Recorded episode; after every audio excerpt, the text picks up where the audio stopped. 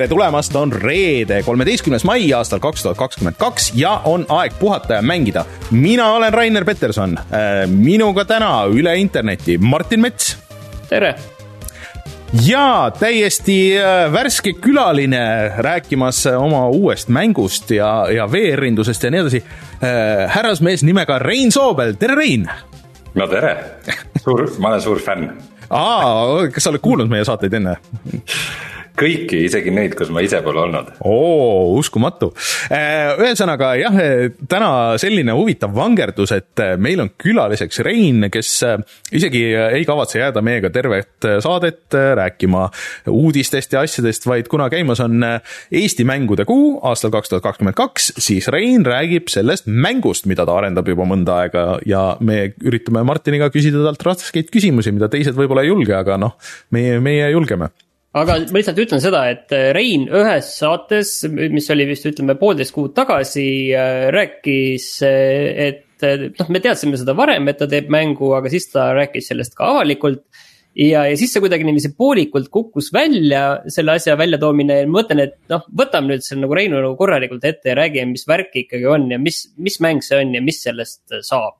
just, väga hea, väga hea, selleks ma siin loengi, istun siin külalise toolis mõnusasti ja siis äh, Rein jah, teeme Reinuga Inteka kohe siis, kui me selle kohustusliku intro oleme ära teinud ja siis, äh, siis me hakkame Martiniga vaatama, et mis me mänginud oleme ja ma räägin natuke sellest, et ma ostsin uue arvuti, et, et kuidas see käib tänapäeval, aga Rein, meil see formaat on jah niimoodi tavaliselt, et me kõigepealt siin natuke juhatame sisse ja räägime kohustuslikke asju. okay.. näiteks, et meid saab toetada Patreonis ja, ja keegi ütleb selle peale pat, pat, pat, Patreon. just, just niimoodi. Eh, Patreon.com kaldkriips puhata ja mangida. Eh, kui te tahate meid toetada, siis seal saate te seda teha, kui te toet, tahate toetada Eesti mänguarendust, kusjuures ma mõtlen, et GameCAN on meid päris tükk aega toetanud seal siis Pärnu mänguarendusfirma, et suured tänud neile ja otse loomulikult suured tänud ka teistele suurtoetajatele, nagu näiteks Taavi, Jutlustaja X, Clyde, Feilissi, siis GameCAN, Randroid ja Kalevus. ja kui te meid seal toetate, siis te saate näiteks tasuta mänge, et ma üritan nüüd, kui see saate audioversioon tuleb, et siis kohe varsti peaks tulema Äh, uus pakk mänge, kus on äh, päris palju huvitavaid asju ja otse loomulikult on veel see Ukraina pakk ja on veel äh, üks pakk mänge, nii et, et kõik need saate tasuta, kui meid Patreonis toetate, võite isegi kaks-kolm tükki sinna kirja panna ja saate need Steam'i koodid et seal on igasuguseid asju, nii et minge ainult vaadake. ja otse loomulikult suured tänud kõigile, kes meid on aastate jooksul seal toetanud või plaanivad seda teha, et see on väga suureks abiks meile olnud ja siis, eh, nagu ma juba ütlesin ja mainisin, siis käimas on Eesti mängude kuu ja siis eh, meil läks laivi esimene Eesti mängu video ka siis, kus Martin ja, ja Rein vaatavad mängu, mida ei ole nagu ametlikult isegi veel väljas, ehk siis Plastronaut ja, ja see, selle, tähendab, vabandust, demo, demo, demo, demo vist on olemas, on ju, aga et see oli spetsial mitmikmängu build meie jaoks eraldi, mis on väga uhke värk et mitmikmängu demos ei ole. jah. Äh, ma ei oleks kindel selles. võib-olla nüüd on või? Minu meelest alguses ei olnud seda. kunagi, kui ma selle tõmbasin, siis igal juhul ei olnud. kunagi oli see vana demo, aga vot mm. ah, okay. jaanuaris tuli see uus demo äh, selle Steam'i demofestiga välja ja minu meelest seal ikka vist on mitmikmäng. väga mm. hea, et meil on informeeritud külaline, see mulle yeah. meeldib. aga me tegime igatahes mitmikmängu video, mida, mida me pole ka tegelikult ikkagi päris ammu teinud, et äh, ma ei mäleta, Martin, millal me viimati koos midagi mängisime hmm.. Binding of Isaac jaa, ainult umbes kaheksa aastat tagasi. nii et Plastronauti, minge vaadake, et sihuke äge piksline platvormikas äh, survival äh, füüsikapõhine ja nii edasi, et äh, ja, ja wishlist'ige see endal äh, siis äh, Steamis, et äh, selle üle kõigil on ilmselt äh, hea meel nagu ka kõigi teiste Eesti mängudega või, või indikatega, mis teil huvi pakub, nii et, äh, et see on väga suureks abiks.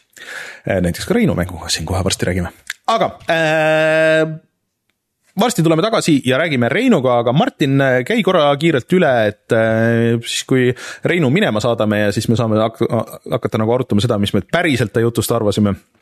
et mis me veel sinna kõrvale räägime räägime sellest, et äh, FIFA ei ole enam üldse FIFA ja üllatus, üllatus, Starfield lükati edasi, millest mina rääkisin paar saadet tagasi, et seda nüüd küll edasi lükata, et kuidas saab nagu maagilisest kuupäevast lahti lasta, aga näi-, näete, sai ja, ja siis natuke räägime sinu uuest arvutist. ma saan aru, et sa tahad veel ikkagi Elder Ringist rääkida ja mina mängisin no. selle Stanley Parabelli seda DLC-d. ok, tuleme siis kohe tagasi ja siis räägime Reinuga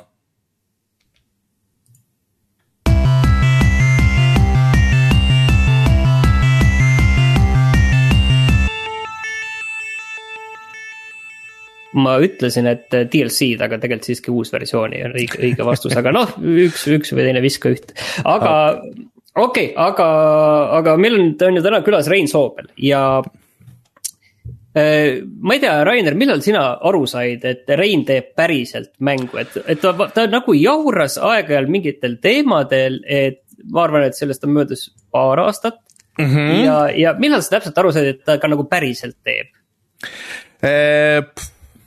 Ma arvan, et äkki äh, tegelikult Äh, üks poolteist aastat tagasi või kaks aastat, tegelikult ma sain juba aru, et, et nad teevad neid äh, VR demosid ja asju, aga et millal see päris nagu äh, mängudeks läks, vot seda ma nagu täpselt isegi nagu ei oska öelda jah, et vahet, mingid asjad olid VR demod, mida ta enda seal töö jaoks tegi, on ju, et ei mm, -hmm. Rein, me ei, ei räägi sinuga veel.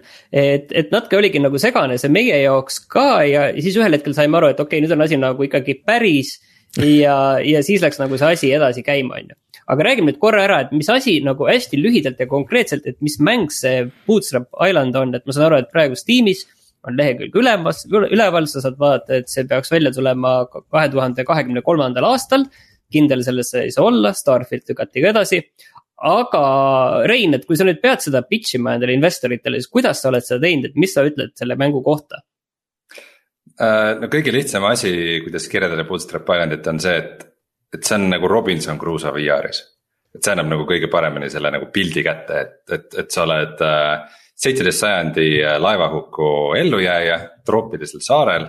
ja siis kasutades oma teadmisi ja oskusi ja manipuleerides keskkonnaga on sinu eesmärk jääda ellu nii kauaks kui võimalik see on siis ellujäämismäng, lugesin, et rogu-like elementidega ja Just. suhteliselt on mõeldud, et oleks suhteliselt lühike, ehk ma saan aru, et äh, sa võid kohe nagu täpsustada, mis see nagu tähendab. aga suhteliselt lühike, et ma saan aru, et seal on mõeldud just selle VR-ile, et sa saad teha nagu sellise ühe korraga selle ühe mängusessiooniga, mis on mõistlik aeg. selle mängu nii-öelda mingile maale läbi või mis, mis see täpselt tähendab?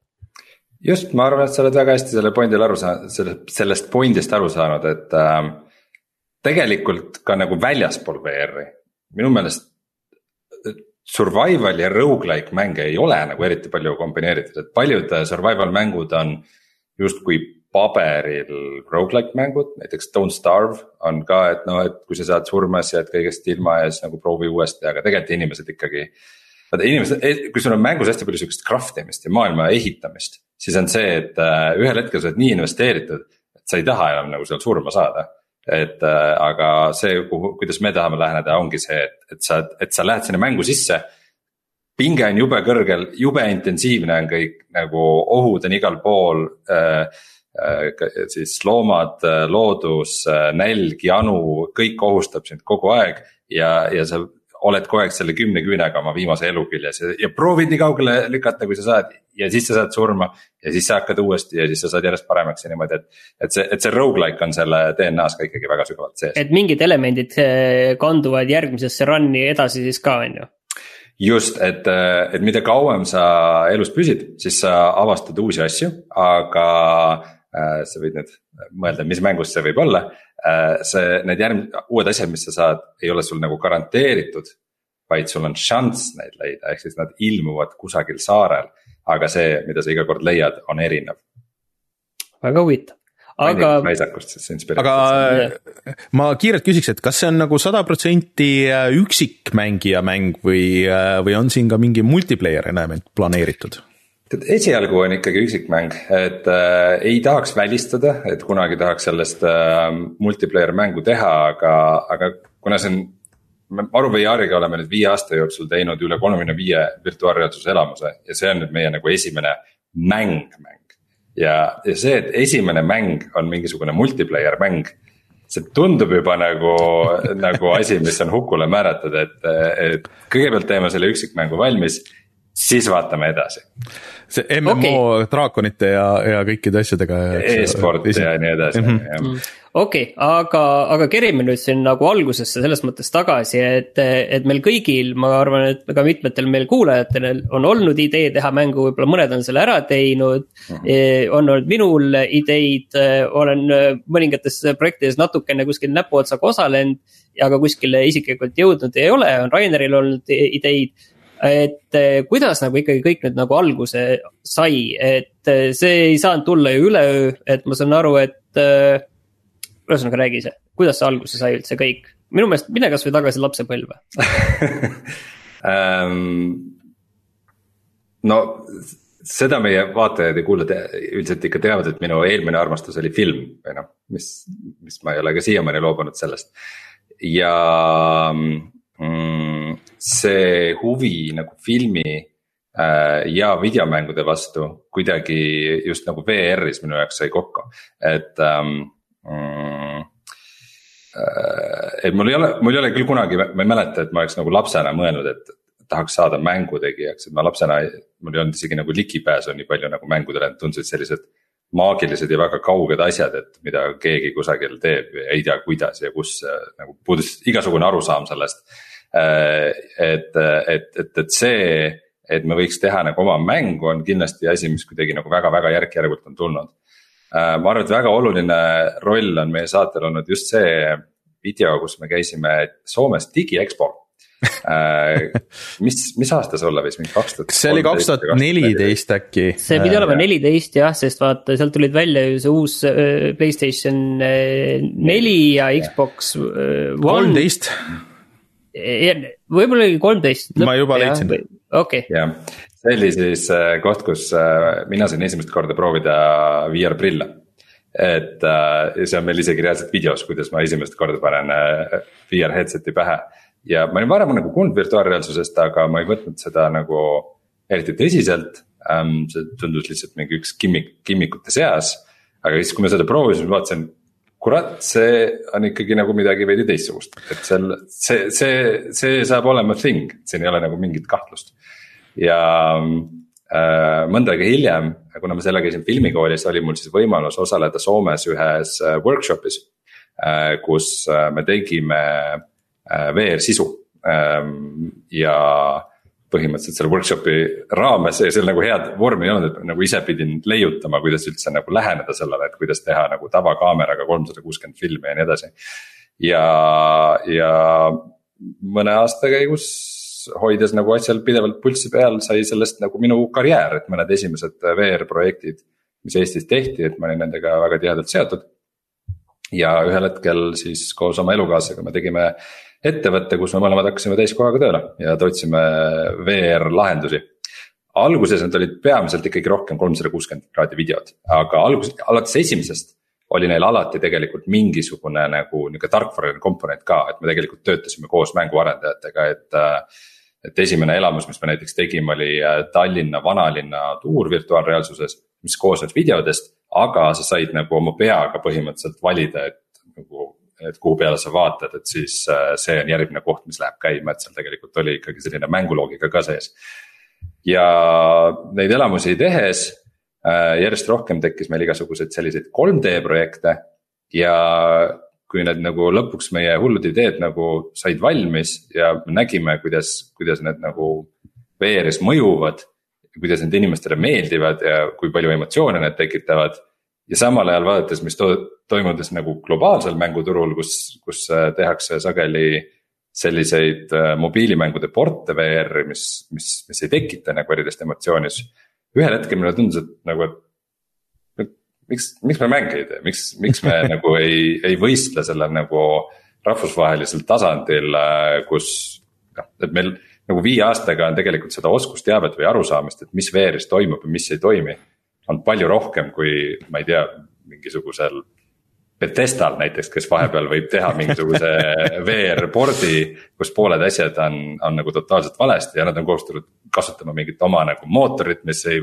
mis ei pruugi nagu selle jaoks toimida ja sobida ja kõik läheb katki ja, ja nagu, nagu ühel hetkel me tundsime, et, et see on nagu ikkagi kindlasti see suund, kuhu me peaks minema ja mida me, mida me peaksime tegema hea, et sa, sa jõudsid selle ettevõtte pooleni, et ma mõtlengi, et äh, et kuidas te, kuidas see on, et sa nii-öelda teed, teed endale nüüd mängufirma, et olgu, et see firma e-, enne tegeles natuke, natukene teise asjaga, mis on küll väga lähedal sellele. ja palju sul nüüd inimesi selle mängu kallal sinna, seal töötab ja, ja ütleme, et kui see mäng nüüd peaks ebaõnnestuma. et kas sa siis pead auto ja korteri maha müüma praegu meil töötab Bootstrap Islandi kallal umbes kaheksa inimest. kõik mitte nagu täis, päris täiskohaga ja siis lisaks veel mõned nagu allhankijad umbes mingite 3D asset ite ja selliste asjade osas. aga, aga põhimõtteliselt ikkagi nagu arvestatav grupp ja nagu me oleme just selle Eesti mängude kuu raames rääkinud ka, siis mängude ärimudel on selles mõttes, et äh, äh päris äh, päris nagu kummaline, et äh, põhimõtteliselt inimesed aastaid kulutavad aega, panevad nagu tohutu raha äh, selles, sellistesse projektidesse. ja siis äh, lõpuks, kui see mäng siis välja tuleb, siis tuleb välja, et kas siis saad oma raha tagasi või mitte et selline omapärane kasiinomäng, et praegu Bootstrap Islandil on olemas teatud rahastus investorite näol erinevas vormis aga kindlasti mitte terve mängu oma, sest meie nagu ambitsioonid sellega on ikkagi päris suured, et me teeme 3D mängu äh, nagu päris kõrge visuaalse tasemega äh,. mis on nagu ka väga süsteemipõhine äh,, kus nagu erinevad asjad peaksid, peavad omavahel äh, nagu töötama ja, ja nagu noh palju efekte, mis sellega kõik kaasneb, umbes a la nagu tuli või, või, või vesi või, või kuidas mingid asjad reageerivad ja, ja et sellise mängu tootmine odav ei ole ja isegi kohati tundub ka rahvusvaheliste investoritega rääkides, et nagu, et nad on nagu üllatunud. et, et oot, et mis te nagu VR-is nii suurt mängu te, teete, et eriti praegu nagu Oculus ehk siis MetaQuesti domineerimise ajal on tekkinud arusaam, et nagu, et noh, et. VR-mängud ongi siuksed nagu väiksed mobiilimängud, et, et seal teed selle nagu paar sihukest multikalikku asset'it ja mingi lihtsa mehaanika ja nagu let's go. aga, et jah. aga, aga mis teil see nagu eesmärk nagu selles mõttes on, et, et kas oled juba nagu paika pannud ka selle, et okei okay,, et see on saaks see. nulli. see on see, see on see minim-, jah, et minimaalne kogus, et mis me müüma peame, et see nulli saada, et kas, kas yeah. kuskil on nagu selline number ka juba olemas teil? ja et investorid pärast vihased ei oleks no investorid selles mõttes investeerivad stuudiosse, et, ehm, et siis on lootust, et kui nagu ka esimene ebaõnnestub, et siis tuleb neid veel, aga no ütleme ikkagi, olgem ausad, meil on ikkagi jah, on, on, on panused on, on suhteliselt suured. et eh, kui, kui sellest ikka mitte midagi ei saa, siis, eh, siis on tulevik kahtlane, aga samas eh, noh, meie eesmärk on nagu suur, et me ikkagi tahame nihutada piire selle osas, et mis, mis VR-mängudes on tehtud ja mis on nähtud. sest nagu VR-mängude turul on see, et nagu on edukaid mänge algusest peale olnud. aga need edukad mängud on, on need, kes on tahtnud nagu ikkagi commit ida või teha midagi uut või midagi huvitavat. et äh, VR-mängude turul ei ole ruumi selliseks nagu keskpäraseks mina ka tüüpi mängu, mänguks, et, et, et seal ongi nagu ainus, ainus võimalus on kuidagi nagu esile tõusta. aga Rein, vaata siin ma küsikski selle küsimuse, mis mul tekib, et kui ma vaatan seda treilerit ja ma olen suhteliselt VR-võõras inimene ja, ja ka survival mängude äh, võõras inimene, siis äh, mis see piir nagu on või mis need piirid on, mida te nihutate sellega, et kui ma vaatan võrdluses näiteks seda Green Helli või, või siis Ark Survivalit, noh, et, et Arkis on dinosaurused, aga noh, need Green Hellis, kus on ka nagu džungel ja kõik need asjad ja survival'id ja asjad, et et mis see on siis see innovatsioon nagu selles mängus? No peamiselt äh, ongi see, et, et noh, ei ole varem tehtud nagu VR äh, rogu-like survival, varem ei ole üldse tehtud sellist rogu-like survival mängu. et me tahame nagu läheneda ähm, kogu VR mängu disainile niimoodi, et see on mõeldud VR-i jaoks. nagu nagu igas elemendis. et kuna väga paljud mängud VR-is on mingisuguse päris mängu pordid, siis sellega kaasneb palju sellist asju nagu, mis nagu, mis nagu VR-i väga hästi ei sobi, mis kuidagi nagu pannakse sinna sisse. et, et, et, et noh, hea näide, et nagu Green Hellis alguses sul on nagu väga palju mingit story dialoogi, et kus sa lihtsalt nagu VR-is, sul on nagu peaseade peas, puldid käes ja siis seisad nagu keset tuba ja kuulad nagu pool tundi või rohkem mingit cornet dialoogi, et noh sa ei taha seda teha VR-is mm., et lihtsalt nagu on asjad, mis ei, ei toimi.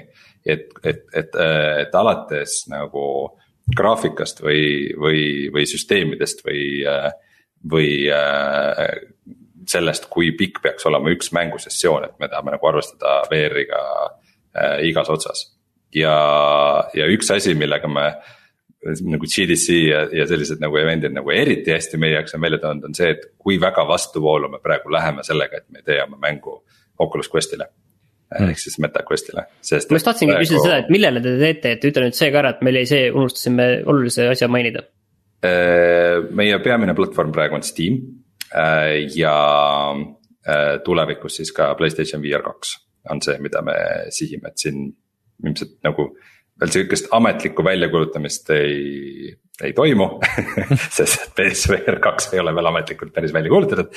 aga, aga see on kindlasti äh, miski, mida me tulevikus sihime, kus me näeme nagu tohutult suurt potentsiaali mul üks küsimus veel selle ettevõtte kohta, et äh, sa ütlesid, et kaheksa inimest on äh, noh, kas äh, palgal või, või mingi lepinguga ja, ja siis allhankijad, et kui lihtne või keeruline neid inimesi sul leida on? Ja, ja kuidas sa neid motiveerid, ma saan aru, et sellised inimesed üldiselt tahavad päris kõrget palka, et. et kas sa pakud neile osa selle mängu võimalikust edust või ja, ja nad on nõus leppima natuke madalama palgaga või, või peadki põhimõtteliselt kogu selle äh, investoritelt saadud raha neile ära andma? ei, me ikkagi maksame inimestele palka, et kui, kui mõned mänguarendajad on rääkinud, et äh, neil toimubki nagu kogu töö sellise nagu kunagi tulevikus saadava loodetava tulu baasil, siis äh,, siis äh, kindlasti tahaks ettevõttega jõuda sinna, et, et, et, et töötajad kõik nagu osalevad selles kasumi jagamisel, et noh põhimõtteliselt see nagu otsus on tehtud, see lihtsalt ei ole nagu lepinguliselt vormistatud. et, et nagu äh, töötajad saavad sellest edust osa, aga kui me räägime sellest, et. et, et, et meil on ikkagi nagu erialase haridusega andekad arendajad äh, täiskohaga palgal, siis, äh, siis nagu päris kauge lubadusega neid ikkagi tööle ei hoia. aga, aga kust sa neid inimesi leiad? Äh, see on väga keeruline teema, sest et äh, Eestis tegelikult äh, on, on selle poolega on ikka kehvasti, arend-, mänguarendajaid ikkagi on, on väga vähe. ja nagu me oleme avastanud, et meie teeme oma mängu siis Unreal'i mootoris et Unreal'i arendajatega on nagu veel eriti halvasti, et see on nagu, see on lausa natuke, natukene uskumatu, kui halvasti. aga veider, me oleme äh, viis aastat umbes rääk- või noh, nagu isegi enne, kui me hakkasime seda Eesti mängude kuud tegema, et kui me hakkasime nagu otsapidi siit või sealt nagu Eesti mänguarendajatega kokku puutuma, siis on olnud juttu, et Unreal'i arendajaid ei ole ja ikka ei ole veel midagi muutunud või on see, et mõned suured nagu GameCAN ja nii edasi tõmbavad kõik kokku endale ära või? Mm,. samas GameCAN palkab enda töötajaid, nagu ma aru saan, siis ka ikkagi peamiselt nagu välismaalt mm.. ja nüüd vist äh, GameCAN nüüd kuulutas, et sügisel nad tahavad teha. vist eelmises saates oli sellest Andreisiga juttu ka, et, et nad tahavad sügisel teha nagu mingisuguse Unreal'i akadeemia, aga noh, selleks peab Pärnusse kolima neljaks kuuks, et äh,. Ähm, meie lähenemine siiamaani on praegu üldiselt see olnud, et äh,, et äh, või tegelikult see strateegia on suht hiljaaegu tekkinud. Ikkagi kaasata inimesi, kellel on nagu tugev programmeerimistaust. et kuna me noh, oma nagu ettevõttega tahame ikkagi vaadata nagu pikka, pikas plaanis asju ja nagu, nagu areneda läbi aastate. ehk siis, et äh, mitte lihtsalt projektipõhiselt nagu äh, mingid inimesed leida, kes nagu asja ära teeks ja siis nagu nad lähevad ka nende teadmistega minema. mis nad on kogunud vahepeal ja kuidas nad on arenenud et pigem nagu kasvatada tiimi, kes oskab koos, koos töötada.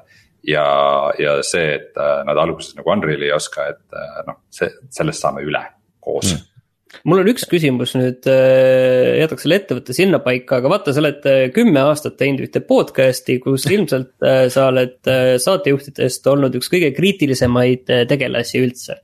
väga selge arvamusega, tihtipeale nõuad parimat, ilusamat ja teravamat pildi kvaliteeti. Et kus nüüd tuleb see hetk, kus see kõik sulle kahjuks tuleb? kas on mingil hetkel tekib see asi, et okei okay,, raha on meil nii palju ja see saab otsa ja me peame nüüd ütlema, et see, mis on, see on piisavalt hea nojah, eks eks see juba praegu sellega seoses, et me Questi mängu ei tee juba natukene maksab, aga samas noh, vaata mobiilimängud on ka toredad, eks. Aga, aga on nagu stuudiod, kes teevad mobiilimänge ja on stuudiod, kes teevad konsoolimänge.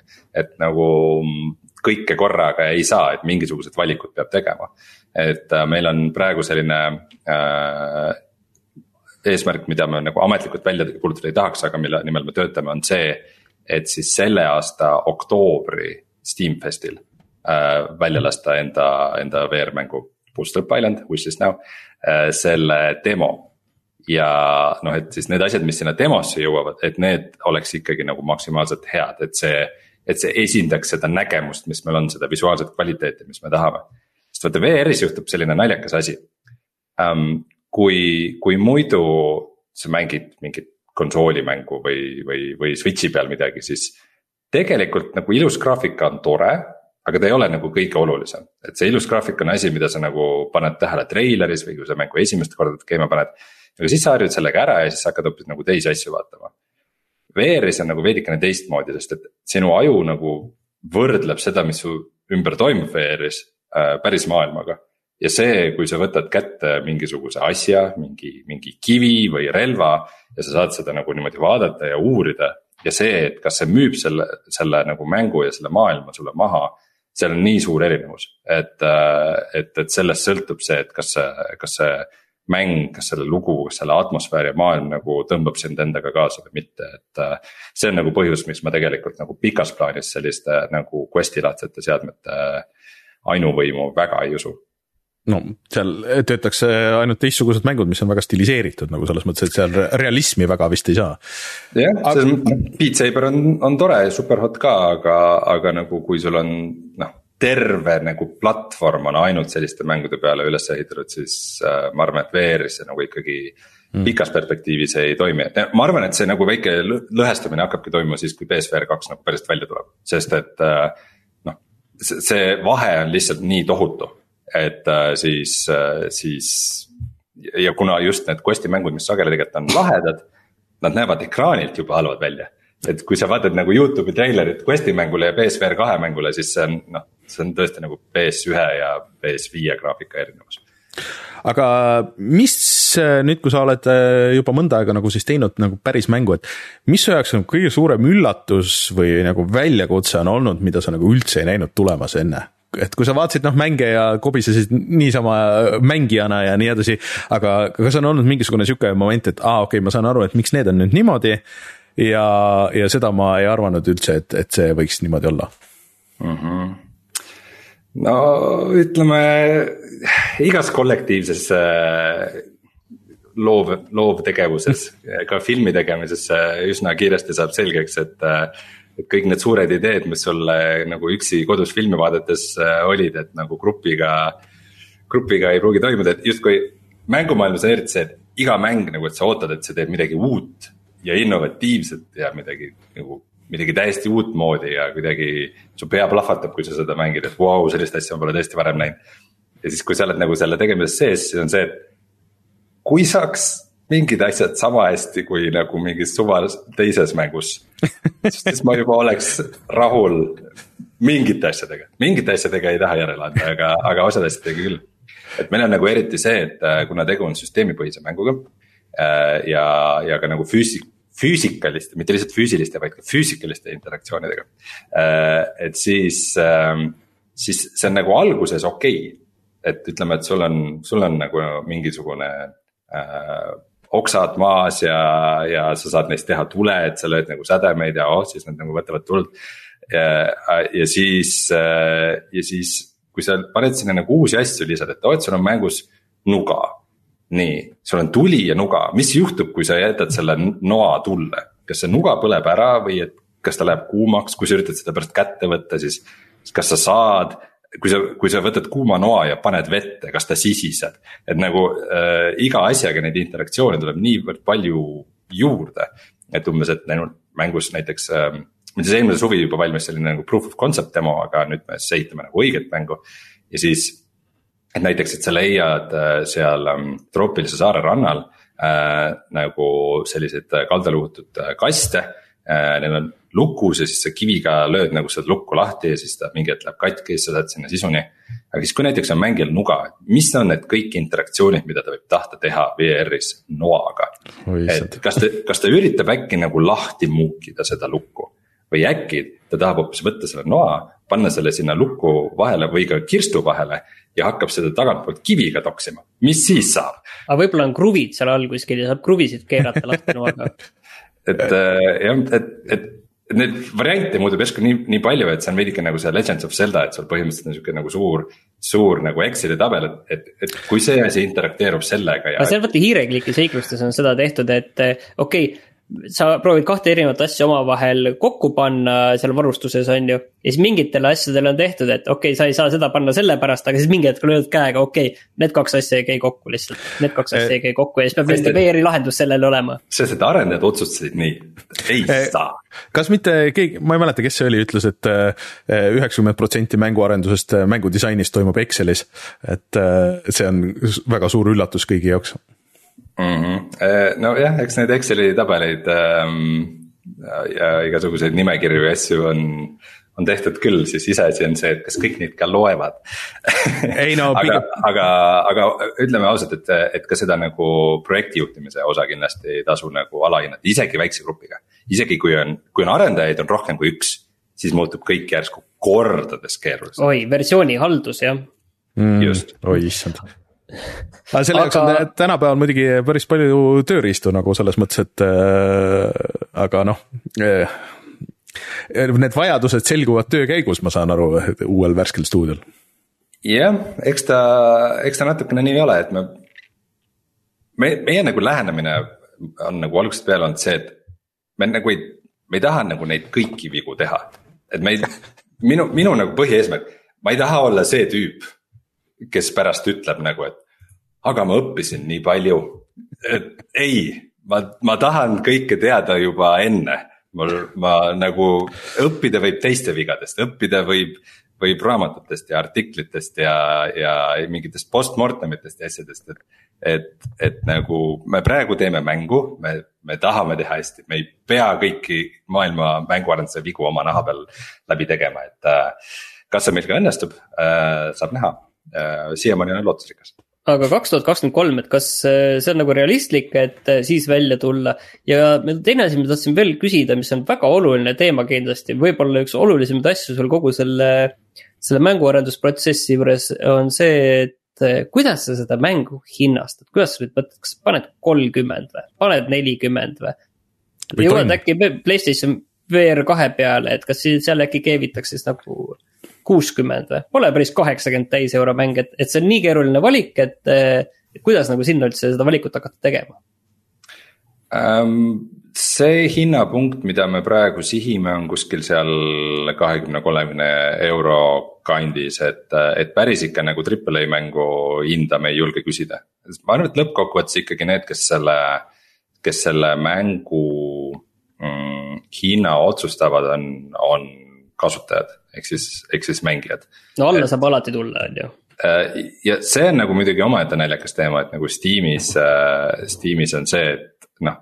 see mäng, millega sa Steamis paned nagu mängu müüki, et noh, et see ei ole ju see, millega sa teda tegelikult müüd. sest et äh, kui su mäng tekitab inimestesse väga palju huvi, siis see tähendab, et sa saad väga palju wishlist'e millega ei juhtu mitte midagi, kuni sa teed esimese sale'i et eh, siis, eh, siis hakkavad need tulema, et noh, Steamis on juba põhimõtteliselt sisse kirjutatud, et sa müüd nagu tegelikult mängu natukene odavamalt äh,. Playstationil ilmselt mitte nii väga, aga, aga see hinnastamine on selles mõttes nagu nagu huvitav küsimus, et pigem ikkagi tahaks äh, nagu tekitada mängijates tunde, et nad saavad hea diili, kui nad ostavad seda mängu, mitte et nagu no ikka võiks nagu viimast välja pigistada äh, mis puutub sinu esimesse küsimusse, Martin, ehk siis äh, kas see kaks tuhat kakskümmend kolm on realistlik väljatuleku aeg ähm,? see ei ole kivisse raiutud Äh, aga, aga põhiküsimus on ka see, et väga palju sõltub, äh, sõltub rahastusest. sest et äh, kuna, kui oleks nagu suur rahahunnik ees ja hakkaks ainult kütma, siis nagu poleks häda, aga kuna, kuna meil ilmselt on ka mingisugused vahe-eesmärgid, mingisugused hetked, kui me peame rohkem tegelema rahastajate leidmisega kus ei saa nagu liiga julgelt inimesi palgata, vaid et tuleb nagu nende asjadega olla natukene ettevaatlikum.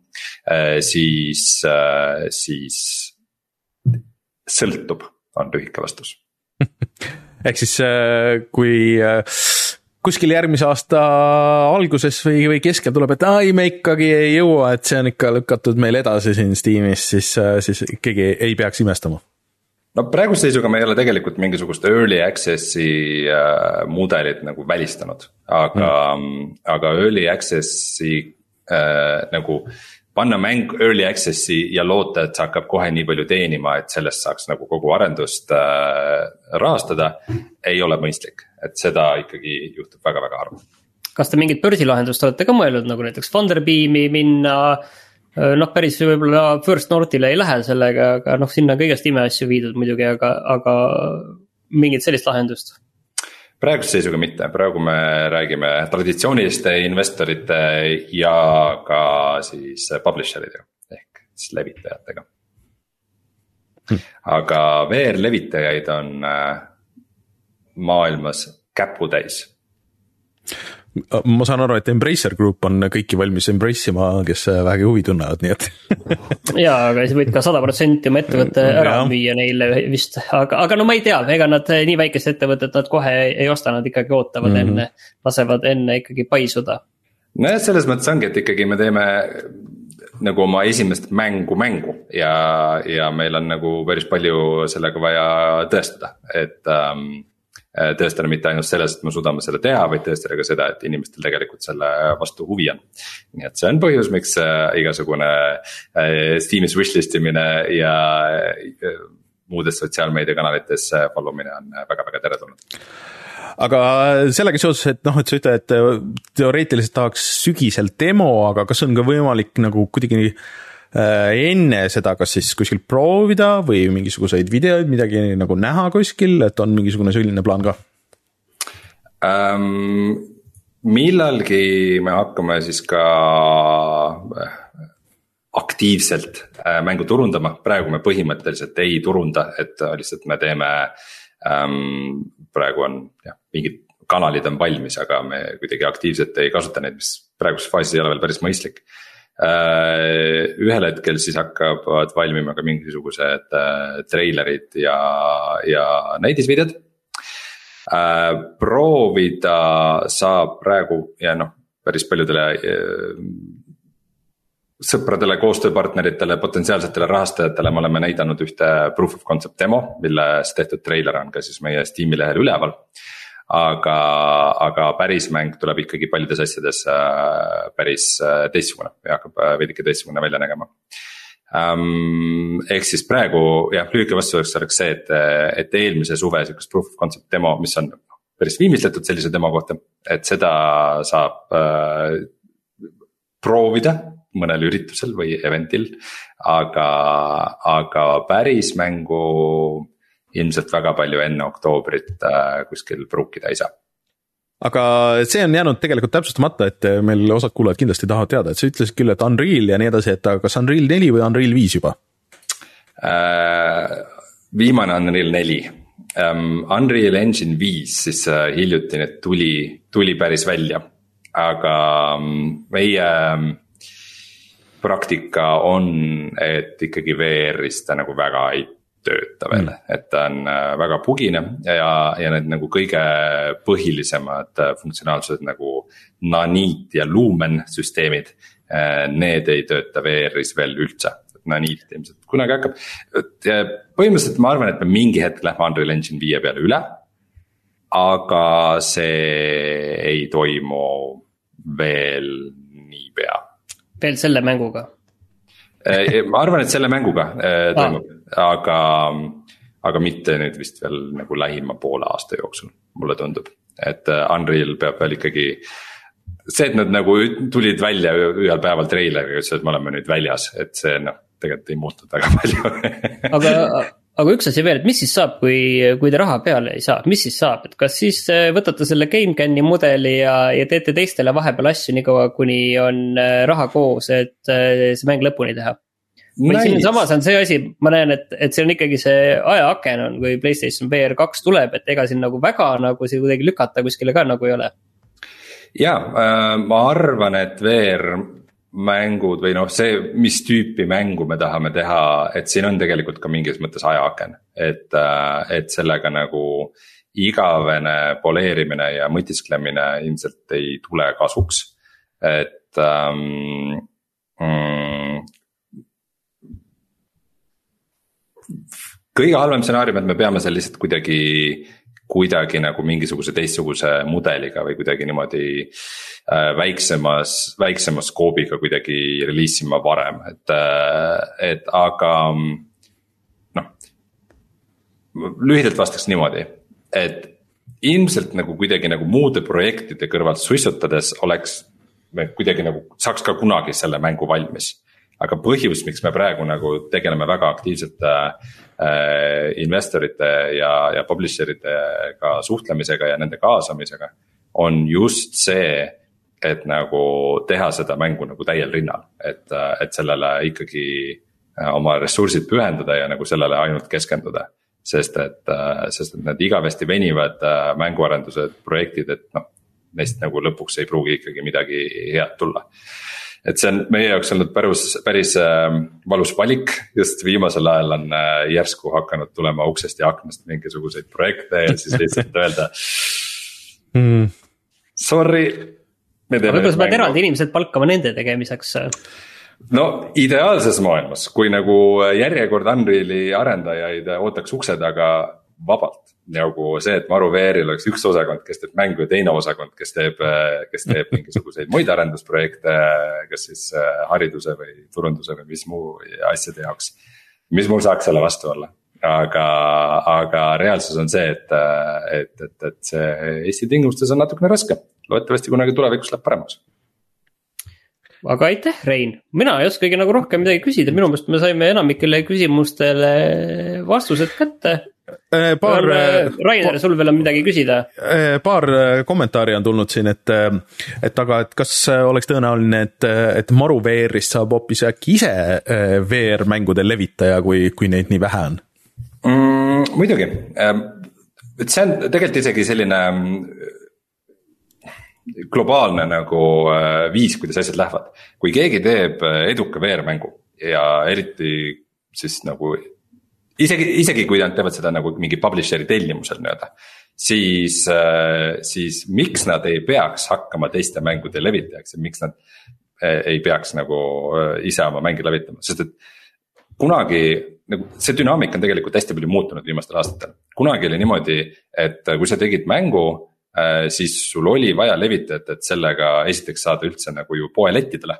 sest ega see ei ole ka ju lihtne protsess ja kunagi oli ka see, et äh, sul oli vaja levitajat selleks, et sa saaks oma mängu Steam'i, et äh, oh, et võtke nüüd meie mäng, võtke sellest, selle tuludest viiskümmend protsenti. aga ma kuulsin, et teil on mingi hea Steam'i kontakt, läbi kelle saab mängu Steam'i, et noh, noh tänapäeval see enam niimoodi ei käi. et põhiline, mida nagu levitajate käest ikkagi küsitakse, on raha ja noh, sageli ka marketing. aga noh nähes, kuidas mõned levitajad marketingiga teevad, see ongi see lõppkokkuvõttes on see, et. et ainus põhjus, miks on vaja levitajaid, on, on raha ja need ettevõtted, kes on teinud eduka mängu, kes on suutnud äh, ise nagu kaasata investoreid. ja, ja saavad nende investorite raha nagu kulutada teiste mängude peale. iga, iga VR-mängu stuudio tahaks olla levitaja, see on, see on tänapäeval väga-väga tavaline. ja siis äh, veel oli küsimusi, et äh, ühesõnaga äh, et kui palju su, sa tunned, et see podcast'is olemine ja, ja nagu asjade aktiivne mängimine ja nagu nendesse süvenemine võib-olla siuksel analüütilisel viisil, et on mõjutanud seda, et, et kuidas sa mängu või et kas sa või et see, et sa üldse nagu mängu teed? Äh, kindlasti mõjutab selles mõttes, et mm, ikkagi ma, ma arvan, et mängu ei peaks tegema, kui sul ei ole nagu ikkagi sellist aktiivset armastust mängude vastu ja, ja sa ei tunne, et see on miski mis sul nagu kuidagi südame kiiremini põksuma paneb, et äh, kindlasti on väga huvitavaid muid sektoreid, mille vallas on palju tulusam ja lihtsam töötada, tea.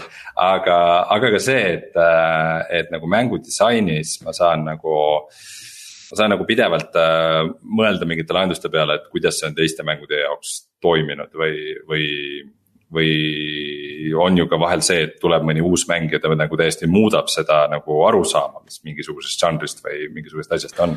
et noh, mind, mind kindlasti väga paljud ellujäämismängud äh, mõjutanud nagu Long Dark, mille video meil on väga populaarne, et, et nagu ellujäämismängud on minu meelest äh, lihtsalt nagu, et nad on nagu juba oma olemuselt asi, mis töötab nii, nii narratiivselt kui ka mänguliselt sest et äh, ellujäämismäng oma olemuselt on ju tegelikult see, et sul on mingid ressursid, mida sa pead haldama ja aeg töötab sinu kasuks, äh, sinu kahjuks. ehk siis, äh, ehk siis see, mida sa, et on justkui käigupõhine mäng peidetult. et, et iga mingi kümme minutit, mis sul mängus möödub, on justkui üks käik ja sa pead mõtlema, mis sa selle, sel ajal teed ja, ja kuidas sa manageerid oma ressursse, mis otsuseid sa teed, et et aga samas äh, ma nagu, mul on väga palju nagu survival mängu, mida, millega võrrelda, millega refereerida. ja ka näiteks loo, sest meie, meie mängu loo arenemise struktuur on ilmselt kõige rohkem inspireeritud Hadesest. sest meil on samuti äh, dünaamiline narratsioon, kus äh, pealelugeja loeb sulle nagu õigel hetkel õigeid lauseid vastavalt sellele, et mida sa teed või mis olukorras sa oled ja, ja kuhu sa oled jõudnud ja mitmes mängukord see sul on ja nii edasi aga vot, kes teil lugu üldse kirjutab, kas sa ise? Äh, praeguse seisuga ma ise olen äh, loo kirjutaja jah, äh, selle demo skoobi raames see lugu ei ole ka nii massiivne, kuna. ütleme, see lugu on üsna selline krüptiline ja peidetud. Et seal saarel on mitmeid müsteeriume, selle keset saart on, on mingisugune vulkaan, kellel on mingisugune oma arusaam asjadest, mis on kuidagi seotud asjadega sul on äh, peategelasel minevikus mingeid huvitavaid aspekte, mille kohta sa rohkem tundma õpid. seal saarel on ka teisi elanikke, kelle, kellest sa võib-olla leiad jälgi või, või midagi nende kohta rohkem teada saad või ka kohtud nendega. et, äh, et selles mõttes see, see lugu ei arene lineaarselt, vaid just äh, läbi selle, mida mängija teeb, kuhu ta läheb, mis valikuid ta teeb, mis järjekorras ta asju teeb, kuidas tal asjad õnnestuvad et, äh, et, et, et see on ka kindlasti väga oluline osa kogu sellest of Islandi eksperimendist, et kuidas, kuidas VR-is rääkida lugu, nii et see ei tundu, et nii, nüüd jääb mäng seisma, nüüd me räägime lugu. vaid et need on ikkagi nagu üks tervik. aga Rein, enne kui me laseme sul minna, siis ütle kiiresti Äh, kolm ellujäämismängu, mida sa soovitaksid inimestel mängida, enne kui siis äh, Bootstrap Island välja tuleb? kolm ellujäämismängu mm,. No Long Dark kindlasti, kuigi selle, selle viimaste aastate arengud ei ole olnud ainult positiivsed, aga ma ise tahaks ikkagi millalgi selle Remembered Story osa ka uuesti läbi mängida uh,. Don't starve on ajatu klassika um,, mille juurde ma ise ikka ja jälle tagasi lähen. eriti mulle meeldib siis selle mm, lisapakk nimega Shipwrecked. Ja mis see kolmas võiks olla? Mm. Uh, Faster than light on tegelikult ka ellujäämismäng. see on üks asi, mida mina olen viimasel ajal kogu aeg mänginud, aga ta ei ole päris selline, on ju, aga ta on. ja vot see, see, see on nagu üks nagu omaette äh, nagu musta auku võib sukeldada, et mis asi on tegelikult nagu ellujäämismäng ja mis asi ei ole, et. et nagu, kui sa just vaatad Steamis on see survival'i tag, siis noh, et noh, Call of Duty on ju ka tegelikult ellujäämismäng, et nagu, et noh, et. Sa nagu tulistad teisi ja siis nemad tulistavad vastu ja siis sa proovid nagu ellu jääda, et nagu on ju, ei ole või. et, et, et selline mm, ütleme, ma ei tea, ärme, ärme sinna lä lähme, et mis nagu seda defineerib ja mis mitte. aga äh, võib-olla isegi Green Helli paneks äh, paneks kolmandasse, mitte ilmtingimata nagu Green Hell VR, kuigi see Questi versioon on ka päris vahva. Aga, aga see tavaline Green Hell on võib-olla üks selline mäng, mis, mis, kus sa saad aru, et see nagu realism on, on see, mida nad nagu alguses ikkagi äh, taotlesid, et nagu, et, et, et see algne kontseptsioon on see, et teeme ikka kurat sihukese mängu nagu päriselt need asjad käivad. et noh, et siis nagu tegemise käigus sa teed nagu mingisuguseid järeleandmisi ja, ja noh, proovid seda rohkem ikkagi mänguks teha. Aga, aga mulle meeldib see, et Green Hell on üks selline, selline mäng, mis ikkagi on näha, et see on sihukesest suht hardcore visioonist alguse saanud. Hmm no aga aitäh siis, Rein, minge siis otsige Steamist üles kõik Bootstrap Island, kui te vaatate saadet, siis ilmselt on lingilistis on olemas ka see ja, ja siis Youtube'i kanalid ja kõik saate juba subscribe ida ära ja siis kui uut infot tuleb, siis noh, kui te kuulate meie saadet, ma usun, et Rein ütleb, kui on midagi, midagi sellist, mis, mis tasub vaatamist. vot, aga davai ka, Rein, me räägime veel uudistest ja siis äh, sinuga näeme ilmselt järgmine nädal. siis on juba uus külaline ja aitäh teile selle intervjuu eest ja, ja ma oleks väga tahtnud teile rääkida täna muidu Rogue Legacy kahest, aga see jääb siis äh, järgmisesse nädalasse. Davai aga okei okay., tšau. nii, äh, nüüd me paneme, panen ennast siia kuidagi paremini ja siis me lähme Martiniga saatega edasi, ma kikkisin juba Reinu välja, sa võid nii kaua öelda, Rein, mis sa arvad Reinust päriselt? Rein, mis sa arvad Reinult päri-, päriselt? ei, mis, mis sina arvad Reinust päriselt nüüd, nüüd kuidagi kuuleme. aa, okei okay., ei no julge projekt on, julge projekt, saame näha, kas see tasub ennast ära või mitte. aga aga ei, toredad, ettevõtlikud inimesed on toredad hmm.. nii, aga ma vajutan nüüd nuppu ja siis tuleme tagasi uudistega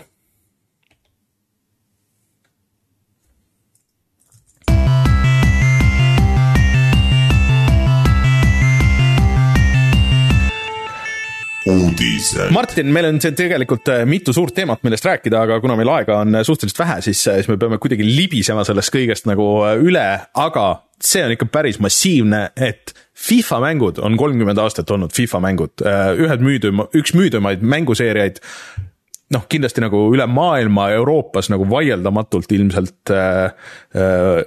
et mis, mis sellega nüüd juhtus?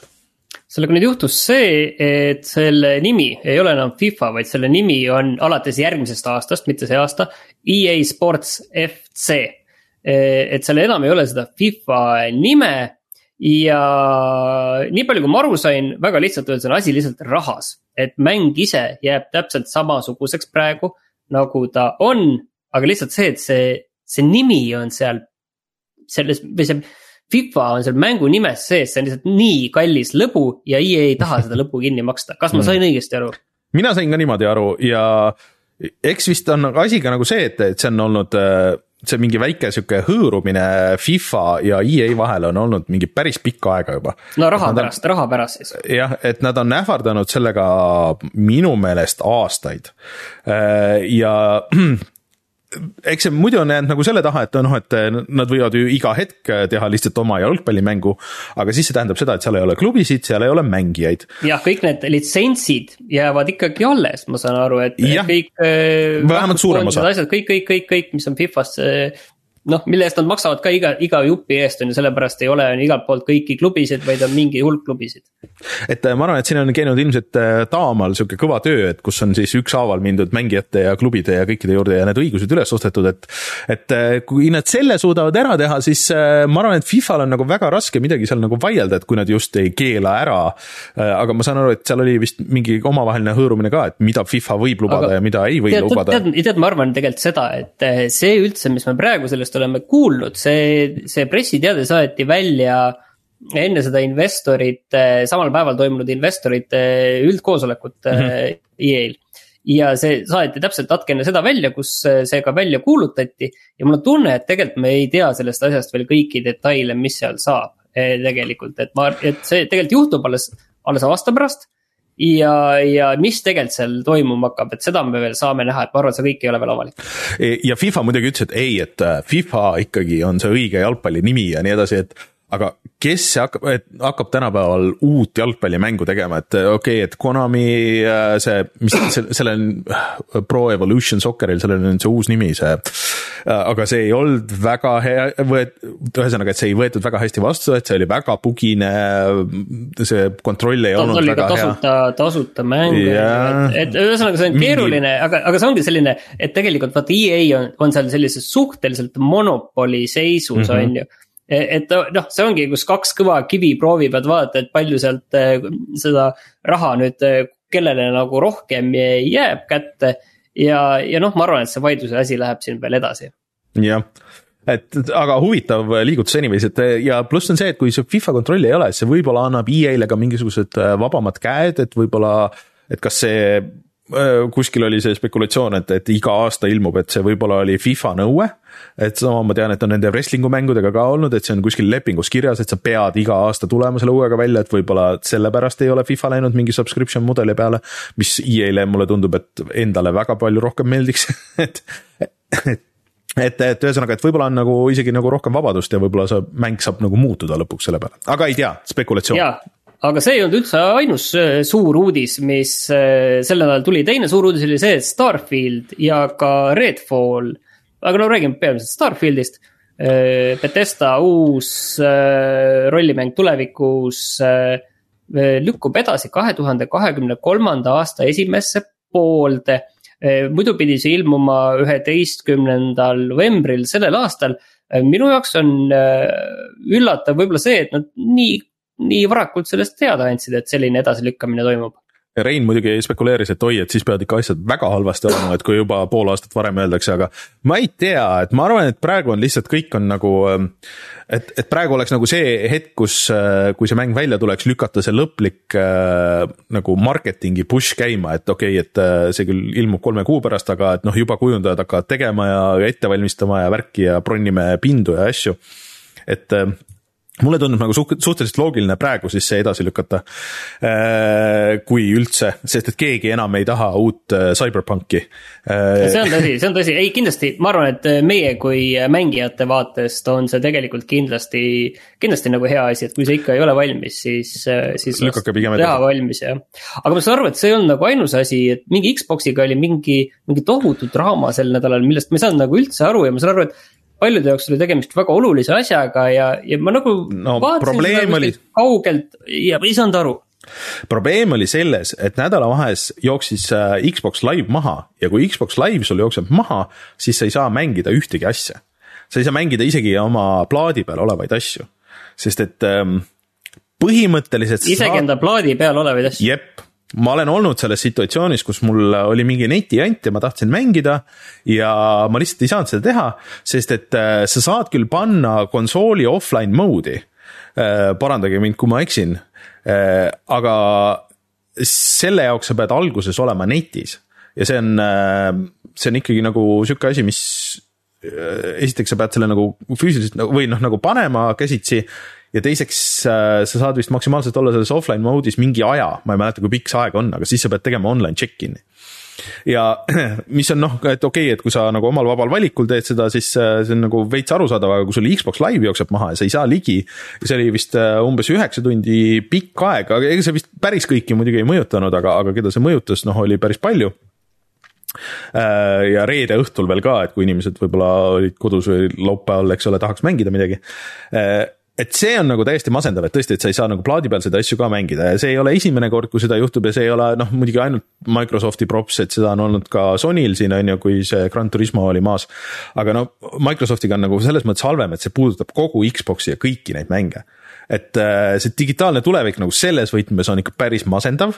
Äh, ja seal peaks olema ikka mingisugune fail-safe aga no eks ma saan aru, et seda on keeruline tekitada, et niimoodi, et sa ei saa seda noh, et äh, lähed sõbra kontoga sisse, tõmbad kõik mängud alla, võtad neti tagant ära ja siis mängid äh, kõiki asju nii palju, kui, kui kulub, on ju. ja järgmine kord siis lähed, võtad uued mängud, et, et kuidas teha niimoodi, et see päris nii ei oleks, on keeruline. ma saan sellest aru, aga see ei ole ka lahendus. mingi aja tagant nagu, mida ja. Microsoft ju kunagi tegigi sel kujul, on ju, et ja. see mingi tšekk mingi aja tagant aga, aga lihtsalt, et äh, niimoodi, et see on ikkagi väga halb ja mõtle noh, nagu tulevikus, et üks hetk lähevad need serverid maha. sul võib see plaadi peal olla, mul võib see seina, selja peal, selja taga siin nagu riiulis olla, on ju. aga mul ei ole selle plaadiga mitte midagi teha, et isegi kui ma installin ära, ma panen selle sinna sisse, ma ei saa seda lihtsalt mängida ja see tähendab ka seda muidugi, et needsamad konsoolid, eh, mida näiteks sinule meeldib koguda ja mul on kodus ka üks väike hunnik mm, et eh, väga tore on, sa võidki võtta selle vana konsooli ja paned sinna plaadi sisse ja mängid nii kaua, kui sa suudad mm -hmm. selle kaabliga veel teleriga ühendada mm. -hmm. siis kui me jõuame sinna hetke, kui meil on noh, ütleme PlayStation neli, Xbox One, oleme kuuekümne aastased ja mõtleme, et nüüd meenutaks noorust, siis see ei, ei ole lihtsalt võimalik, sest meil võivad need seadmed küll olla, meil võivad need plaadid olla aga meil ei ole nendega lihtsalt nagu mitte midagi teha peale vaatamise ja tolmupüüdmise et äh, kahjuks see niimoodi on ja noh, tegelikult see puudutab ka, puudutab ka PC mänge. Äh, kuigi ütleme vähemal määral, aga, aga, aga selles mõttes, et kui sul on näiteks mingi online komponent või kui sa Steam'i näiteks sisse logida ei saa, siis sa ei saa ju mängida neid asju, et, äh, et, et seal keegi peab nagu, et tähendab, et keegi midagi ette võtaks, siis tegelikult peab kõigepealt lendama äh, vastu taevast korra, et seal peab mingi väga suur jama tulema. Äh, äh, ja, ja enne keegi vist ei taha ma arvan, sellesse süveneda, et kui praegu on niimoodi saanud, siis, siis läheb niimoodi edasi, aga kui see läheb suurelt vastu taevast noh, siis äkki, äkki võtab keegi midagi ette. aga igatahes see on praegu aga..., see on jura, ütleme nii ja on, aga, aga millest sa nüüd tahad veel, veel, veel rääkida, meil on teemasid palju. meil on paar teemat, et äh, rääkides digitaalsetest asjadest, siis äh, Duke Nukem Foreveri äh, kaks tuhat üks aasta demo äh, liikis välja äh,. oi, oi, oi, oi, kuskilt äh,. see on siis tegelikult mängitav äh, demo, mille kohta arendaja ütles küll, et see on lihtsalt nagu üks level ja mis on äh, mis on E3 nagu demo oli. demo jaoks, emo, jah, täpselt selle E3 demo jaoks tehtud ja ega seal nagu väga palju midagi muud tegelikult valmis polnudki. mõnes mõttes ütleb väga palju E3 demo kui sellise kohta üldse. et ja. jah, meil siin see tase on põhimõtteliselt ja ära nurga taha vaata, on ju, et rohkem seda mängu ei olnudki. aga, aga E3-l selle... seda ei näidatud aga siis äh, sealt läks, hargnesid nagu mingid huvitavad sündmused, kus George Broussard, kes oli siis üks originaal Duke Nukemi arendajaid ja kelle käes see oli kümme aastat ja venis see Duke Nukem Forever. siis ütles, et see on tema jaoks väga piinlik ja, ja raske aeg, et ta ei taha sellest rääkida, aga kui siis teine siis selle 3D Realmsi kaasasutaja Scott Äh, ma ei mäleta, mis ta nimi oli, äh, pani pika blogipostituse ja ta rääkis, et kuidas George nagu surus muudkui sinna uusi asju ja ajas seda skoopi suuremaks ja tema pärast see kõik läks. ühesõnaga mingisugune sihuke huvitav äh, vanakooli arendajate draama läks lahti internetis, mida oli huvitav jälgida aga noh, nagu natuke oli huvitav ka vaadata, et mis kontseptsioonid nagu lõpuks sinna Duke Nukem Foreverisse jõudsid, et päris paljud tegelikult. et need mingid levelid ja mingid asjad ja, ja nii edasi, et äh, aga. silma järgi mulle näeb suhteliselt Nukem 3D nagu välja tegelikult okay,. no ta oli esimeses, aga... ta oli esimeses Unreal'i mootoris mm. -hmm. okei okay,, seda on näha tõesti jah. et äh, ta lõpuks siis äh, läks üle Unreal kolme vist või, kui see, kui see nagu lõplik äh, Gearbox'i versioon välja tuli. aga ühesõnaga, et, et jah, et soovitan korra minna ja lugeda neid asju, kui see pakub huvi, et, et, et see Duke Nukem Forever on ikka sihuke draama ja saaga, mis, mis pakub meelelahutust ka, ka praegu ja lihtsalt üks asi, mis mina olen natuke ootasin, et äh, Microsoft Flight Sim äh, tuli välja juba ammu nii konsoolil kui PC-l ja ma seda proovisin ja mängisin ja mulle iseenesest meeldis, aga mulle nagu noh ma ei ole nagu sihuke simulaatori inimene, et ma lihtsalt ei viitsi lennata Eestist äh, USA-sse ja niimoodi, et ma tahtsin nagu sihukest väikest nagu story elementi või midagi sihukest, et seda ägedat graafikat ja, ja mudelit nagu seal kasutada. ja Top Guni äh, filmipõhine DLC sinna pidi tulema, aga seda lükati mitu korda edasi. aga nüüd see sai lõpuks uue kuupäeva, kuna see film vist ka kas tuli välja või, või tuleb kohe. Äh, ja see on siis kahekümne viiendal mail. ja kui ma õigesti aru saan, siis see vist on täitsa tasuta. ehk siis see, see annab kõigile Gamepassi omanikele võimaluse minna tagasi äh, Flight Simi ja siis seda nagu rohkem siukses story võtmes mängida, et, et see on, ma arvan, lahe. et minge tšekkige seda, kes on lennundushuvilised äh, jah, ja meil on mõned uudised veel, aga meil on siin aega vähe, et me jätame järgmisse nädalasse võib-olla, aga vaatame korraks kiirelt üle, et mida me lugesime või mida me lubasime, et ühesõnaga, et me vaatame siis, et mis meil kümme aastat tagasi teemadeks oli, kaheteistkümnendal mail näiteks. ja taaskord väga huvitav. Batman Arkham City oleme mänginud, siis Äh, Deus Ex Human Revolutionit olen mina mänginud, äh, ma vaatan. ja mina mängisin Saints Row the Third'iga mis mulle väga meeldis see, see oli, see oli üks äh, esimesi mänge, mida ma Playstation kolme peale vist otsast lõpuni nagu läbi tegin, sest et see oli üks väheseid mänge, mis jooksis paremini seal, kui ma õigesti mäletan. ja siis uudistes, et Elder Scrolls, Scrolls Online kuulutati välja ja Martin mäng, proovis Rokat Savut ja mäletan neid nalju, mäletan ja see, see saade ja et Star Wars The Old Republic ikka kaotab neid mängijaid äh, ja Need for Speed saab lisa, kusjuures see oli ka uudis, siis ma jätsin välja, et äh, see Need for Speedi teeb ju Criterion, kes läheb nüüd kokku selle ühe teise Need for Speedi tegija stuudioga, mis sellest järgi jäi, aga see, mis tegi neid paremaid. Äh, ühesõnaga, et ja kuidagi seotud ka Codemastersiga, mille EA ära ostis, et äh, tundub, et sellel võib-olla on isegi mingi väike potentsiaal olemas, et äkki lõpuks saame Norms Need for Speedi ka aastal kaks tuhat kakskümmend kaks või kolm. no ei tea, ei tea, ei tea. aga jällegi taaskord äh, selles mõttes huvitav, et teemad ikka kanduvad kümne aasta taha ka ikka, et, et ei ole kuskile kadunud need. Dead Space ka, et saab järje, no Dead Space'i remake on, on tulemas millalgi. vot, aga tuleme korra tagasi ja siis äh, räägime ka, mis me oleme mänginud ja teinud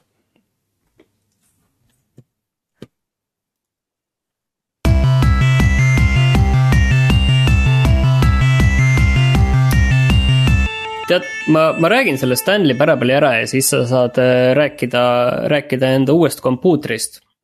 nii.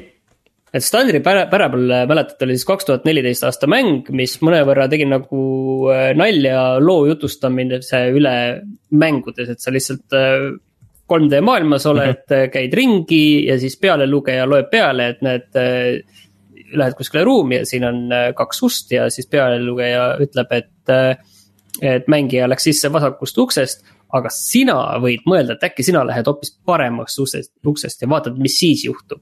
ja kõik see oli tegelikult väga naljakas, väga tore. ja, ja nüüd on sellest väljas uus versioon.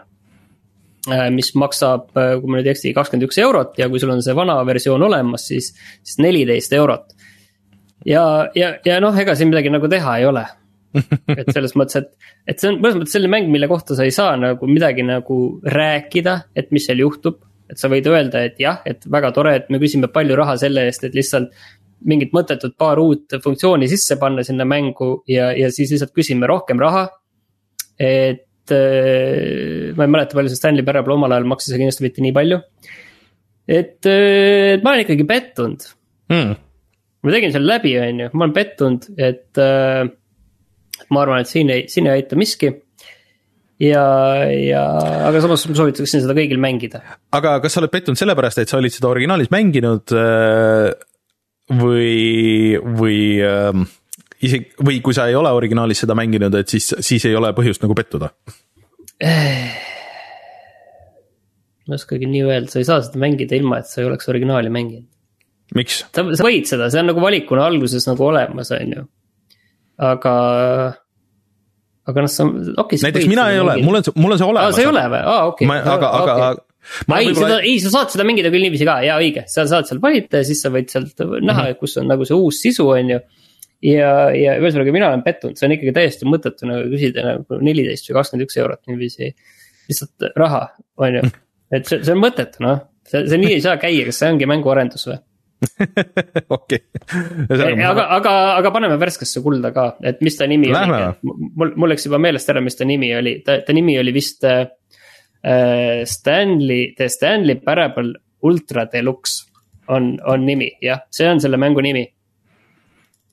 okei okay., Stanley Parable Ultra Deluxe, siis äh, mulle tundub, et et tuunikast. ma panen selle ise värskesse kulda ja, ja ma ütlen, et ma soovitaksin seda mängida, et kõik, kes tahavad näha, et kuidas saab nagu äh, tuunik läheb maha siis. lihtsalt uus versioon ja, ja küsitakse nii palju raha, on ju, et ma soovitaks seda mängida.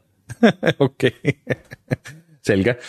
ma arvan, ma arvan, et kõik said aru, et, et siin on midagi enamat nagu peidus, et see kõik ei ole nii lihtne, aga, aga selles okay. kõiges on ka tõde. Sellel vist on väga mitu lõppu, et mida sa saad teha, et ei, seal on väga palju, seal on väga palju lõppusid, seal on väga palju lõppusid, et siin ei ole nagu midagi teha.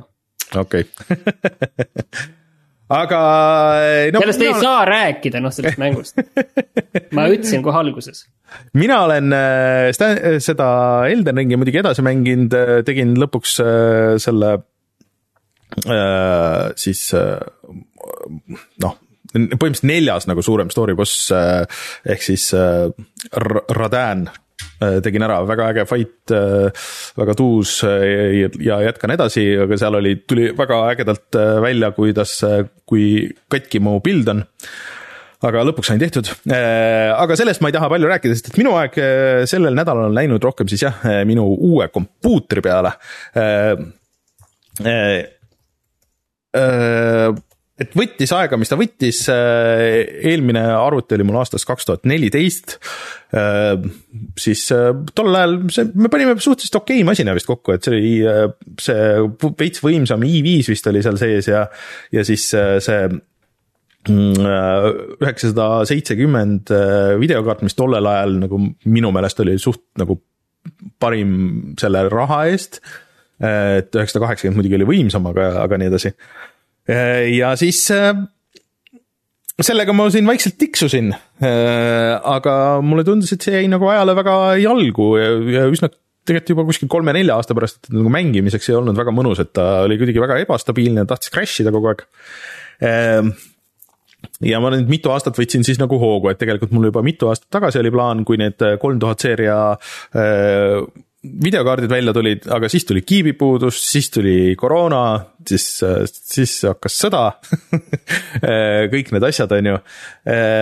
aga suured tänud Tipsile level ühe siis Discordist, kes lihtsalt nagu mingi jutu käigus, et, et okei okay,, et, et pani mulle kokku põhimõtteliselt siis uue komplekti äh, ja kus on AMD Prose, äh, siis AMD viis tuhat seitsesada vist või midagi sihukest äh, ja siis kõige olulisem asi on siis GeForce kolm tuhat kaheksakümmend videokaart. Äh, ja see oli mul seal äh, siis seal arvutitarga selles äh, listis, nagu seal saab jätta ja jagada ja no see paari nädalaga põhimõtteliselt, mis ta pani, siis läksid kõik hinnad, kui ma järgmine kord, kui ma võtsin selle lahti, olid läinud mingi viis kuni kümme eurot kallimaks.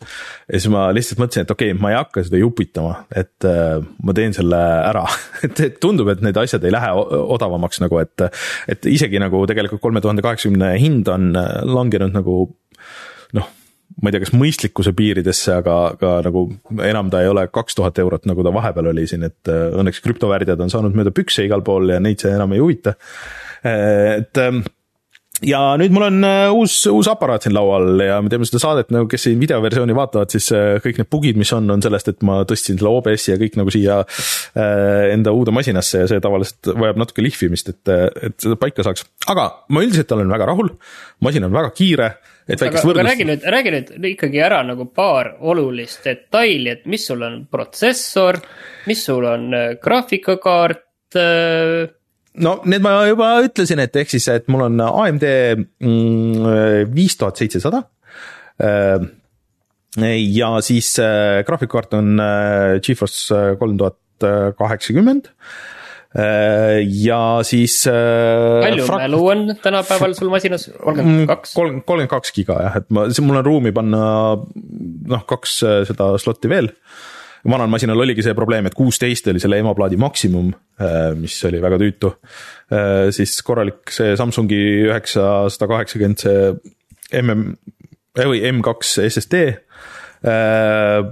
kõik on väga stabiilne, väga vaikne, väga kiire, äh, siis ah, see Fractali ühesõnaga äh, Define seitse compact äh, korpus mis on mega raske, aga hullult loogiline, ma ei ole nii loogilist seda PC korpust näinud, kusjuures noh, mitte et ma väga palju oleks neid pannud kokku, aga et noh, sul on kõvakettad on eraldi sahtlitega, sa saad äh, kogu sisule. see on, see on standard, see on standard. sa saad mõlemalt poolt, äh, see on nagu külje peal sahtlitega, mis oli nagu huvitav. Ja sa saad mõlemale küljele, sa saad ligi ja need ei ole kruvidega, aga need on klambritega. ehk siis sa teed nagu lõksudega lahti. see ei ole ka nüüd. no, no ühesõnaga, et arvestades, et ma ei ole nagu kaks tuhat neliteist aastast ei ole uut no. arvutit nagu põhimõtteliselt ise noh, kuigi selle pani Ordi mulle kokku, et ma ei pannud ise seda nullist kokku, et ma maksin selle kümme eurot neile, et, et et, et ma ei peaks ise sellega tegelema, et just see protsessori ja selle selle jahutuse ja kõik nagu need panekud, et, et mulle tundub nagu natuke hirmus ise teha. aga aga ühesõnaga jah, et nüüd ma olen seda confinud, ma olen kõik need asjad nagu peale pannud, mis ma tahan panna, et nüüd ma arvan, et nüüd selle tuleva nädala jooksul, et ma saan hakata kasutama, et ma siin ma tegin natuke teste, et ma proovisin. Äh, noh, näiteks kuna mul on nüüd siis ka arvuti Gamepass, eks ole, siis äh, mm, see äh, Forsa Horizon viis, ma sain kõik asjad ultra peale lükata, ka rate tracing'u ja siin full HD monitoris jooksid kõik asjad ilusti nagu väga stabiilse kuuekümne kaadriga ja, ja siin tegin seda Shadow of the Tomb Raideri ray tracing'u testi, see jooksis ka väga stabiilse kuuekümne kaardiga. aga noh, kõige huvitavam on olnud äh, proovida siis Playstation kolme emulatsiooni, mis muidu oleks olnud täiesti võimatu, aga ka selle peale jooksevad asjad nagu täiesti äh, noh, God of War jooksis, äh, pole vist kunagi nii hästi ühegi platvormi peal jooksnud, siis esimene God of War selles HD collection'is ja nii edasi, et see on väga huvitav mu jaoks, et need on asjad, kuhu ma tahaks nagu rohkem sukelduda. aga noh, peamiselt. kas nüüd uus monitor ka tegelikult või? No tegelikult mängimiseks ei ole nagu probleemi, et mängimiseks mul on telekas, ma ei ole lihtsalt vedanud oma lõplikult seda juhet, et, et mul telekas ju võimaldab. sul on see 2... uus ja uhke, uus ja uhke arvuti jo... ja see on ühendatud telekasse. jah äh,, mängimiseks muidugi, sest et äh, pult äh,, ega ma, ma ei kavatse mängida siin selle uue masinaga selle siin arvutilaua taga, et ma tahan ühendada need asjad telekasse ja mängida teleka taga, et kus mulle meeldib mängida aga, aga selles mõttes, et äh, äh, aga peamine asi, mis ma muidugi tahtsin, on see, et noh, esiteks aitab mul saadet vähe kiiremini teha, sest et enne see renderdamine selle saatele võttis päris tükk aega aega. aga nüüd ma olen ka sukeldunud 3D-sse ja tahaks ise, nagu Rein siin räägib, et ei ole Unreal'i inimesi, siis ma tahaks ise ka nagu natuke seda Unreal'i näppida, et, et see oli suhteliselt raske selle vana masinaga äh, et need on nüüd asjad, kuhu ma tahaks minna, mida ma tahaks katsetada, mida ma tahaks teha ja lõpuks ometi on mul selleks võimalus, nii et, et, et ma olen väga põnevil ja, ja rahul nagu selle, selle ostuga, et. et siiamaani ühtegi asja, mis ma vaatan, et ah kurat, see oleks võinud olla paremini või see oleks võinud olla paremini.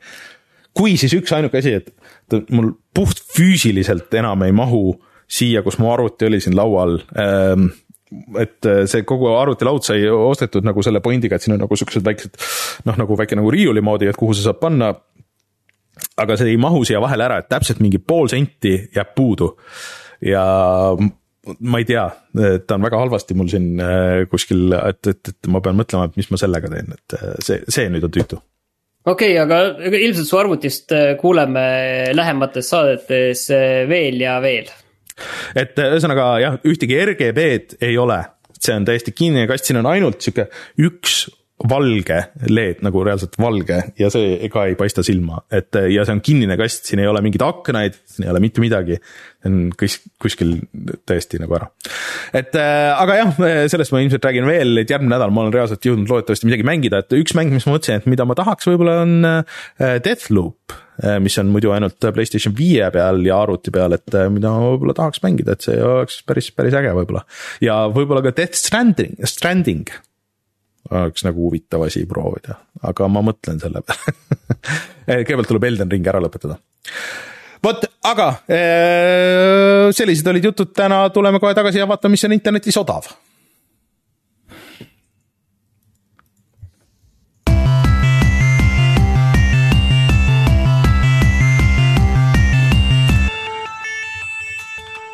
Martin, ma ei tea. Steamis, Steamis on odav äh, Loop Hero, mis maksab neli koma üheksakümmend neli eurot, mis oli siin äh, sügisene hittmäng.